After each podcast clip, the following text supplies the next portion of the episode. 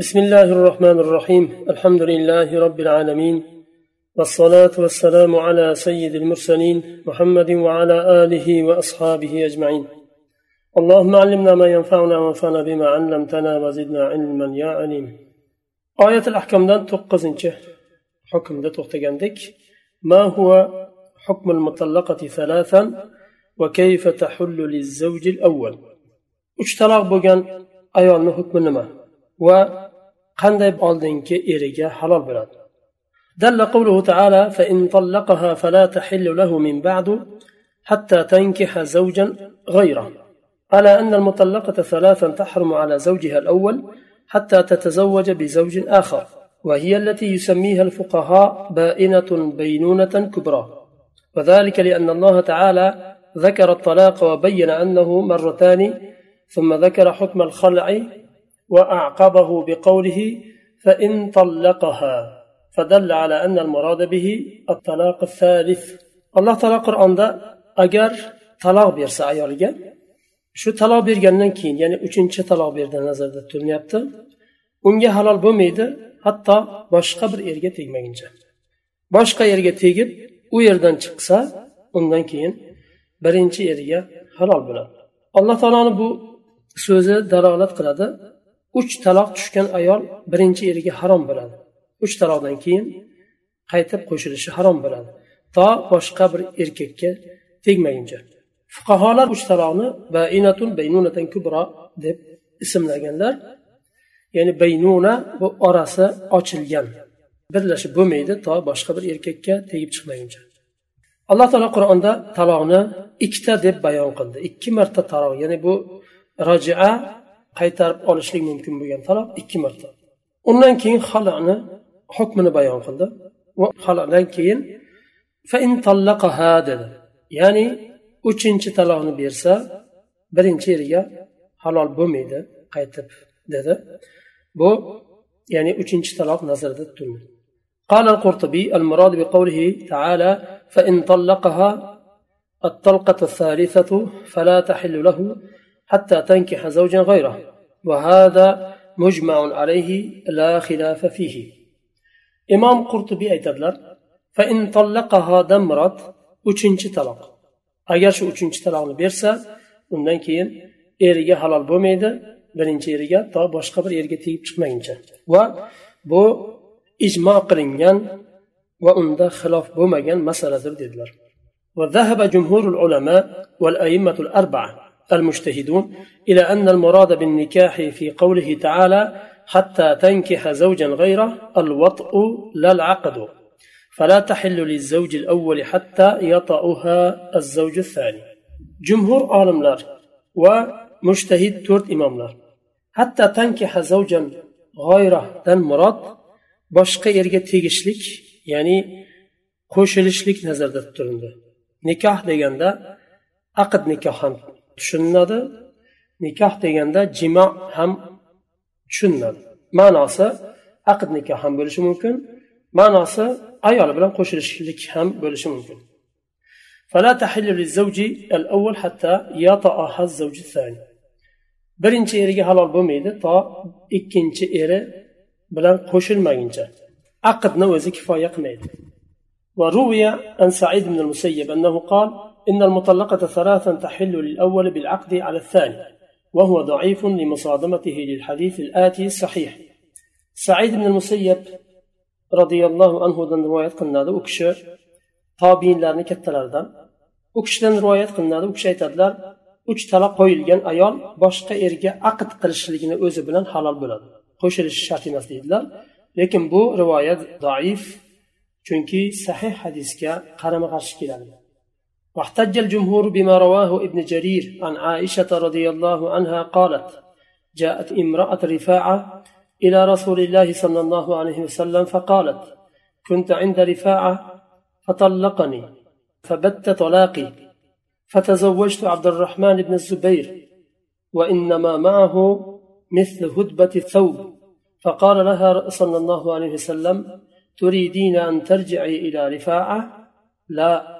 حتى تذوقي عسيلته ويذوق عسيلتك رواه أصحاب السنن. والمراد بالعسيلة الجماع شبه اللذة فيه بالعسل. ابن جرير رحم الله رواية قليان حديثة. عائشة رضي الله عنها اعتدلر رفعنا أيالر رسول الله صلى الله عليه وسلم نيون لر يكيلر وأتلر كمن رفعنا نكاح دائدم أكشمين طلاب يدلر va talog'im boin bo'ldi. Undan keyin abdurahmon ibn zubayrga chiqdim va abdurahmon ibn zubayrdagi narsa kiyimni po'pigiga o'xshaydi dedilar. Ya'ni jinsiy tarafdan zaif ekaniga ishora qildilar. Shunda rasululloh sollallohu alayhi vasallam aytdilar siz rifoga qaytmoqchimisiz? Yo'q dedilar. To sizni tazuqi usaylatahu. ya'ni asalini tatimagunizcha va u ham sizni asalingizni tatimaguncha degandan murod bu ya'ni jinsiy aloqa jimo nazarda tutiladi to jinsiy aloqa bo'lmaguncha siz birinchi eringizga qaytolmaysiz dedilar فقد وضحت السنة المطهرة أن المراد من لفظ النكاح في الآية الكريمة هو الجماع لا العقد يقارد عائشة رضي الله عنها دان رواية قلنيان كي قرآن دا كيان نكاح كلمة سدان مراد وجماع در عقد إمس وقال بعض العلماء إن الآية نفسها فيها دلالة على ذلك ba'zi olimlar aytadiki oyatni o'zida jimo ekaniga dalolat bor. Faqat qala ibn jinniy سألت أبا علي عن قولهم نكح المرأة فقال فرقت العرب بالاستعمال فإذا قالوا نكح فلان فلانة أرادوا أنه عقد عليها وإذا قالوا نكح زوجته أرادوا به المجامعة وهنا قال تعالى حتى تنكح زوجا غيره فالمراد منه المجامعة ibn jinniy aytadilar men abu alidan so'radim nakahal mar'a deganda bu so'zdan murod nima arablar nima ma'noni qasd qiladi bunda u kishi aytdilarki arablar buni iste'molda farqli qo'llanadilar. Agar falonchi falonchini nikohiga oldi desa nakaha fulan fulanatan desa aqd nikoh tushuniladi jinsiy aloqa emas. Agar ayolini nikoh qildi deydigan bo'lsa undan jinsiy aloqa tushuniladi chunki ayoli turisham aqd nikoh bor. الله alloh taolo nakaha zavjan dedi zavj kalimasini qo'llandi shuning uchun bu yerda jima ya'ni jinsiy aloqa nazarda tutildi الحكم العاشر وننجح حكم؟ نكاح المحلل وهل هو صحيح أم باطل؟ حلال لن ينكح نا شرعي صبل ندو حيلي شرعي صحيح ما بيا باطل ما. المحلل بكسر اللام هو الذي يتزوج المطلقة ثلاثا بقصد أن يحلها للزوج الأول. محلل كم؟ محلل إيردان أشترى بلان أيوال جي أولينا دا وإذن برينج إيريا حلال لبيرش وشل أشترى بلان كي بميدا بر إيريا تيب چقش كيراك شو تيب چقش لكي حاصل بلش وشل أولينا وقد سماه عليه السلام بالتيس المستعار. ففي الحديث الشريف ألا أخبركم بالتيس المستعار؟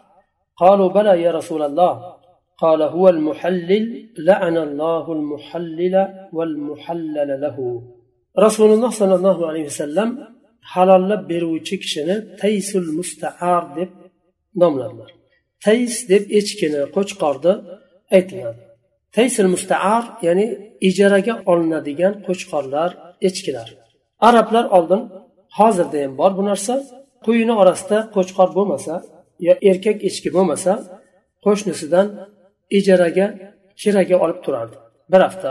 Bola hosil bo'lishligi uchun. Undan keyin bir haftadan keyin qaytarib berardi. Buni rasululloh alayhi vasallam hadisda taysil mustaar kiraga olinadigan ijaraga olinadigan echki deb sanadilar. Aytdilarki ala mustaar ijaraga kiraga olinadigan echkini xabarini beraymi sizlarga deganda ha ya rasululloh dedilar. Shunda u muhallil dedilar. Odamlarga uch taloq bo'lib chiqqan ayollarni halollab beruvchi dedilar. Alloh taolo la'natlasin muhallilni ham muhallal lahuni ham. Halollovchi va halollatuvchini ham deb hadisda la'nat o'qildi. Uni ibn moja rivoyat qilganlar نكاح بابدا buni وإمام حاكم صحيح sahih وقد اختلف العلماء في نكاح المحلل فذهب الجمهور مالك أحمد والشافعي والثوري إلى أن النكاح باطل باطل لا تحل للزوج الأول. أعلم لا اختلاف لاشتا بو محلل هل لن ين نكاح تغر بلادما يباطل بلادما. جمهور أعلم لار إمام لار إمام مالك إمام أحمد imom shafiiy va imom savriy rahimaulloh bular aytdilar bu nikoh botil nikoh aslan hosil bo'lmaydi. Nikoh o'qilsa ham shohidlar bilan o'qilsa ham hamma shartlari o'rniga qo'yib o'qilsa ham nikoh nikoh bo'lmaydi chunki muhallil nikoh bu va ikkinchi erga ham halol bo'lmaydi ikkinchi erdan chiqqandan keyin birinchi erga qaytib ham halol bo'lolmaydi وقال الحنفية وبعض فقهاء الشافعية وهو مكروه وليس بباطل لأن في تسميته بالمحلل ما يدل على الصحة لأنها سبب الحل. وروي عن الأوزاعي أنه قال بئس ما صنع والنكاح جائز hanafiy mazhabi va shofiy mazhabidan ba'zi fuqarolar aytdilarki u botil lekin makruh yomon ko'rilgan nikoh bu. Birinchi eriga halol bo'ladi. Ikkinchi eriga ham halol bo'ladi. Chiqqanda nikoh shar'iy nikoh hisoblanadi va ikkinchi eridan chiqqandan keyin birinchi eriga ham qaytib halol bo'ladi lekin karohiyatlik makruh dedilar. Nima uchun? Chunki muhallil deb nomlanishida muhallil halollovchi halollovchi degani demak birinchi eriga halollaydi. Halollashlik nimasi? zikr qilindi. Demak bu halol bo'lishiga sabab bo'ladi. Nikohi sahih bo'ladi lekin makruh va hadisda la'natlangan. Imom avzoiy rahimaulloh aytadilar qandayyam yomon ish qildi kim halollagan bo'lsa lekin nikohi joiz dedilar. Chunki shar'iy hamma shartlari topildi.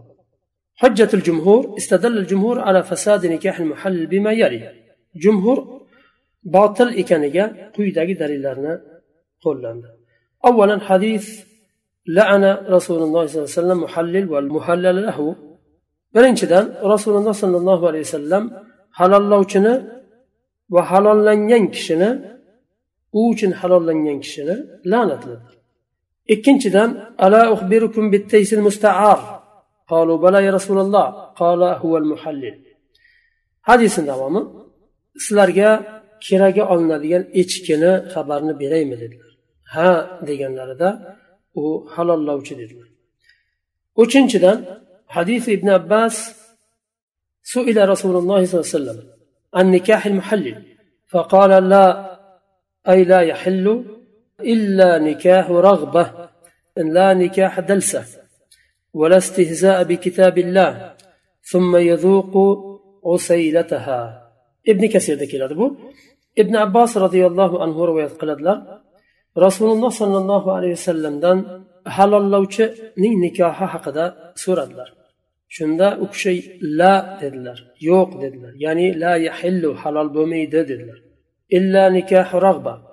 Magar rag'bat nikohi bo'lsagina halol bo'ladi. Rag'bat degani o'zi ahil ayol qilib olishga rag'bat bilan o'ylansagina halollab berish niyatida emas vaqtinchalik. La nikaha dalsa. Nikoh dalsa deb makr nikohi yolg'on nikohni nazarda tutilyapti vala istihzo bi kitabillah. Allohni kitobi bilan istehzo qilingan nikoh ham emas. Undan keyin nikoh rag'ba bo'lgandan keyin to'g'ri niyat bilan nikohlangandan keyin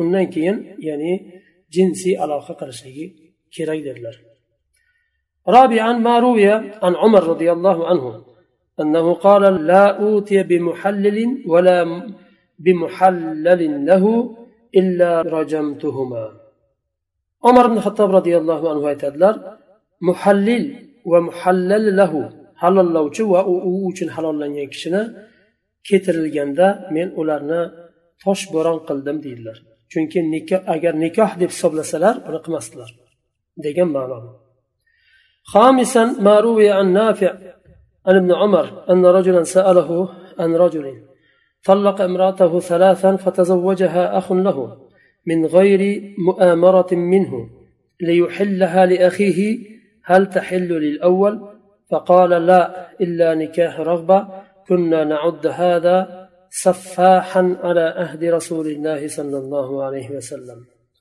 beshinchidan nafiyadan rivoyat qilinadi nafiya ibn umardan rivoyat qiladilar nafiya ibn umar roziyallohu anhuni qullari bir kishi kelib ibn umar roziyallohu anhudan so'raydi bir kishi ayolini uch taloq berdi va uni birodari o'ylandi birodariga halollab berishlik uchun bu holatda birinchi eriga halol bo'ladimi? deb so'radilar. Shunda abdulloh ibn umar roziyallohu anhu aytadilar la yo'q deydilar illa nikoh rog'ba agar rog'bat nikohi bo'lsagina halol bo'ladi. Biz nikoh muhallilni halollash uchun qilingan nikohni rasululloh sollallohu alayhi vasallamning zamonlarida saffah deb atardik dedilar. Saffah to'kuvchi. Saffah deb qon ko'p qon to'kuvchini ham saffah deyiladi.